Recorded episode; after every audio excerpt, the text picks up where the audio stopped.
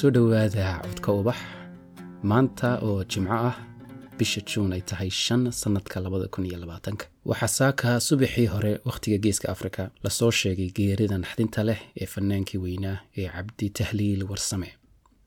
Cabdi tahliil iyo bulshadiisa xidhiidh faneed oo dheer ayaa ka dhexeeya balse aniga iyo isaga xidhiidh kale ayaa naga dhexeeyey waan ka warrami doonaa.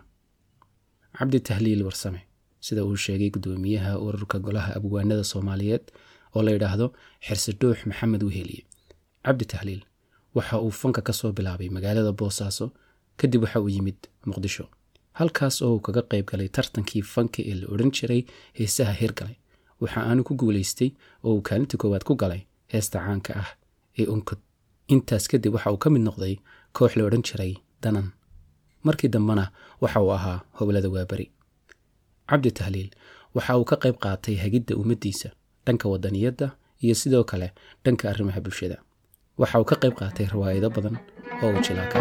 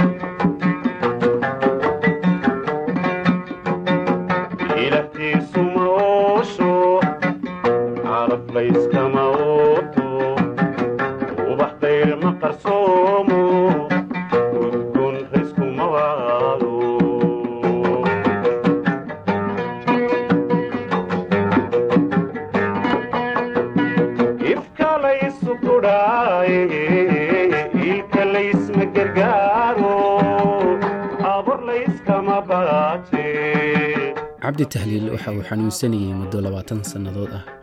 Muddadaas uu xanuunsanayey waxaa dalka soomaaliya isku beddelay afar dowladood. Afartaas dowladood midna wax la taaban karo umay qaban. Isaga oo weliba ku xanuunsanayay xarunta fiyoore oo deris la ah madaxtooyada. Habeen ka mid a habeenada aan dhex quuso badweynta aan ilaysku gaadhin gunteeda ee fanka soomaalida ayaan si xidhiidh ah u daawaday una dhegaystay heesaha cabdi tahliil waa sannadkii labada kun iyo lix iyo tobankii. Maalmahaas waxaan arkayay muuqaallo laga soo duubay fanaanka oo ay ka muuqato daranyo badan iyo dadka eheladiisa ah oo muujinaya walaac iyo saluug ah in aan fanaanka waxba loo qaban. Heesaha aan habeenka muuqaal ahaanta ku helay waxa ay tuseen duni kale oo ka duwan tan maanta oo labada kun iyo lix iyo tobankii ahayd uu ku sugnaa. Heestaa marka uu qaadayo fanaanka muuqaalkiisa guud iyo dareenkiisa oo aan cabbiray waxay tustay adduunka iyo sida uu isu beddeli karo si fududna dadkaagu ku iloobi karaan markaas uu masraxa saaran yahay waxa uu xidhan yahay suudh cawlan oo ilayska habeenku huruud ka dhigayo. Shaadh cad iyo tay madow iyo caddaan isugu jira ayaa ka hooseeya. Kaba madow oo markaasun la soo masaxay ayuu xidhan yahay. Timo afrow ah oo ay ka sii muuqdaan raadadkii daryeelkooda iyo dhaqaaleyntooda. Qiyaastii habeenka intii aanu iman masraxa waxa uu la joogay asxaabtiisa oo ay soo wada qoslayeen markii ay jidka soo saarnaayeen iyaga oo dhammaantood wada labisan. Heestaa marka uu qaadayo sida uu ugu xaragoonayo waxaa ka muuqata in aanay dhibaato adduun meelna u soo marin una soo mari doonin. Habeenkaas marka ay rawaayaddu dhammaato isagoo ay ku wareegsan yihiin hobolladii waaberi ee jeclaa ayuu cawayskiisa sii wadan doonaa. Inta aanu hoyan ka hor waxa uu ku nool yahay magaalo uu haliyey ka yahay. Qofka maalin arkaana uu ka sheekeeyo. Ku dhowaad sida maanta ay dhalinyarta u xiisayso hoblada reer galbeedka ah ayaa soomaalida dhexdeeda looga qadarin jiray. Samada agteeda ayaa isaga iyo asxaabtiisa waaberi ay saaranaayeen haddaba habeenkaas markii aan daawanayay muuqaaladaas ayaan barbar dhigay xaaladda uu ku sugnaa isla habeenka. Waxa aan isweydiiyey talow haddii imika isaga oo masraxa taagan intaas si uun loogu tago garabka laga taabto deedna loo sheego waxa sugaya iyo silica u soo socda. Muxuu odhan lahaa. Ma rumaysan lahaa. Laga yaaba inaanu ka xumaadeen xanuunka uu ilaahay u keenayo oo uu ku samri lahaa. Balse ma rumaysan lahaa inaan waxba loo qaban doonin. In layska iloobi doono weliba isaga oo yaalla meel darisla ah madaxtooyada dalka. Waan sawiran kari waayey dareenkiisa iyo su'aalaha uu weydiin lahaa qofka warkaas u geeya. Sidaas darteed waxa uun go'aansaday inaan anigu u tago. Habeenkaas alaabtaydii ayaan xidhxidhay. Waxaan u diyaargaroobay inaan safar u galo halka uu joogo fannaankayga cabdi tahliil warsame oo dhallinyar ah caafimaad qaba oo faraxsan. Waxaan u safray sannadkii kun sagaal boqol iyo sagaal iyo toddobaatankii. Intii aanan dhaqaaqin dad xogogaal ah ayaan waraystay si aan u ogaado halka aan ka heli karo fannaanka waxaa ka mid ahayd khadra daahir cige waxay ii sheegtay in galabtii inta badan ay ku sugan yihiin kaabadaha dhaadheer ee tiyaatarka hortiisa ku yaalla. Halkaas ayay ku kulmaan ku sheekaystaan ee sahana ku xafidaan. Dad badan oo aan kaabadda kula kulmi doono waxaa ka mid ah fanaanka aan jeclahay ee xasan aadan samatar oo aanan weli arkin intanuu qurbaha yimid balse aanu sannadkii labada kun iyo labaiyo tobankii ka wada hadalnay telefoon isaga oo jooga dalka holan arrimo bandhig khuseeyana aanu ka sheekaysanay. Waxaa kale oo meesha joogta magool oo farxad badani ka muuqato balse geeriyootay annagoo aan weli is arkin. Waxaa sidoo kale joogtay aamine cabdilaahi oo maanta ku sugan boorama. Way badnaayeen fanaaniinta aan maalintaas kula kulmay tiyaatarka muqdisho hortiisa. Sheekadaas ayaan qoray habeenka waxaana aan maanta ku xusayaa cabdi tahliil sheekadan oo aan halkan ka akhriyi doono. Kulankii aniga iyo cabdi tahliil sannadku waa kun sagaal boqol sagaal iyo toddobaatan. Aniga iyo qoraxda dhakadayda dhalaalinaysa waxaa wehelisa laydh si fudud kuu daaraysa balse aan ku qaboojinayn. Cirka daruurihii way ka yaaceen. Dhulkana wax dad ah aniga ayaa socda. Marka laga tago koox dhallinyar ah oo fadhida jaranjar ku taalla dhismaha weyn ee tiyaatarka qaranka soomaaliya hortiisa dhankooda ayaan u socdaa. Warkii rediyo muqdisho iyo codkii cawke ayaa dhegahayga ka sii guuxaya waa maalin isniin ah.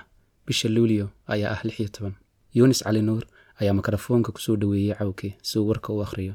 Qodobkii maalinta ugu muhiimsanaa ayay maskaxdaydu ku soo celcelinaysay madaxweynihii ciraaq ee xasan al bakri ayaa iscasilay waxaana xilka la wareegay ku-xigeenkiisii sadaam xuseen dhallinyartii kaabadda fadhiday ayaan ku soo dhowaaday wejiyadooda farxad ayaa ka muuqata kaftan ayaa debnahooda ka qoyan. Kaabadda u sarraysa dhanka midig waxaa fadhiyaa cabdiqaadir jubba oo hees xafidaya markaas ayuunbuu fanka soo galay. Dadkuna way la dhaceen. Heesta uu ku luuqaynayo maan garan.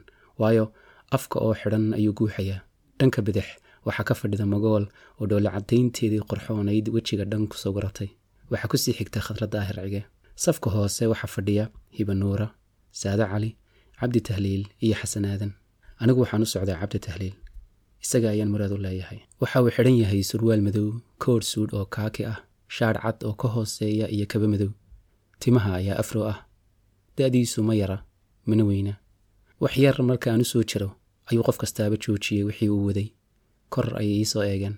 Qiyaastii way yaabanaayeen. Quruxdooda oo indhahaygu aanay hayn karin ayaan salaan yar u qadhiidhay si deggan ayay iga qaadeen. Cabdi tahliil ayaan dhankiisa u jeedsaday. Walaal waxaan kuugu imid inaan warbixin yar ku siiyo wuu dhowray waan sii watay. Mustaqbalka ayaan warbixin kaaga sidaa walow aanay fiicnayn waxaan dareemay sida ay jabaqda u joojiyeen dhammaan khadrad daahir ayaa igu soo tuurtay hunayaa ku soo diray xageed ka timid intaan kor eegay ayaan u jawaabay. Waxaan ka imid sannadka labada kun iyo lix iyo tobanka. Saddex ilbiriqsi ayay ku qaadatay in jawaabtayda la dejiyo. Deedna qosol ayaa laysku daray. Waan aamusay sugayintay dhammaysanayaan qosolka. Magool oo qoslaysa ayaa tidhi muxuu yidhi labada kun iyo lix iyo tobanka ma annagaa gaadhaynaba? Qiyaamaha dhacaye hoos ayaan u idhi waa runtaa adiga iyo saade caliba ma gaadhaysaan cabdi tahliil ayaa soo jeedsaday war bal iiwad maxaad haysaa markaa? Waxaan ku idhi waad gaboobi doontaa waad xanuunsan doontaa. Isagoo aan fahmin ayuu igu yidhi xanuunka ilaahay baa keena waa lay daweyn doonaa. Waxaan ku idhi maya cid ku dawaysa heli maysid. Wuxuu yidhi oo waayo dhakhtar waan haysanaa maxaa jira? Waan yara hakaday waxaan idhaa ayaan garan waaye markii aan gartayna si aan u idhaa ayaan garan waaye waan soo tuuray. Dhakhtarku sidan ma ahaanayo dalku wuu burburayaa dagaal ayaa dhacaya dowladdana way dhacaysaa idinkuna waad kala yaacaysaan hibo ayaa la soo boodday. Qumay isku bax jubba ayaa markii u horraysay ila hadlay kan in la xidhow rabaa waxaas iyaan lagaa maqlin. Saado oo fajacsan dhanna u eeg inay rumaysatay hadalkayga ayaa i weydiisay sababta la ysu dagaali doono. Intii aanan u jawaabin ayuu cabdi tahliili weydiiyey. Uniyo maxaa meel dhakhtarle laga geen waayey? Indhaha ayaan kaga dhuftay hadal aanu sugayn. Dadku ku danayn maayaan ma dadkan ijecel maanta ayaan hadhow caawin doonin. Haa cid kuu nixi doontaa ma jirto ayaan si qabow ugu xasan aadan ayaa arkay murugada wejiga cabdi ku taalla. Si uu saaxiibkii u dejiyo ayuu aniga canaantay. Abba wafiire waad mahadsan tahay kowdhe intaas nagu jooji iska bax. Waa runtii waxaanay sawiran karin ayaan u sheegay. Waan dhaqaaqay hal tallaabo kadib ayaan istaagay. Xasan ayaan soo eegay. Waxaan ku idhi hadda waan tegayaa laakiin aniga iyo adigu teleefon baan ku wada xidhiiri doonaa maalinaan maanta ahayn sannadka labada kun iyo labayo tobanka adiga oo holand jooga iyo anigoo swiden jooga. Inta uu hal mar libiqsaday ayuu yidhi sii soco. Magool oo aamusnayd daqiiqadihii u dambeeyey ayaa su'aal igu soo tuurtay. Aniguna miyaan xanuunsanayaa sannadkaas su'aasheeda ayaan ka naxay. May adigu ma xanuunsan doontid sannadkaas ayaan ugu soo koobay. Iyada oo aan fahmin ujeeddada hadalkayga ayaan ka dhaqaaqay oo aan ku libdhay xamar oo mug weyn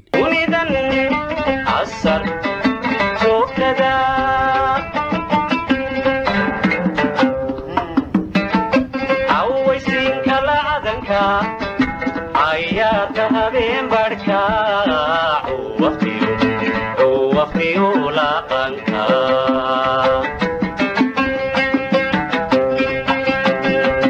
haddaan canabay jacayl cibaada kugu dul furay qoradna darka u galay adoo ciirsira fadhiya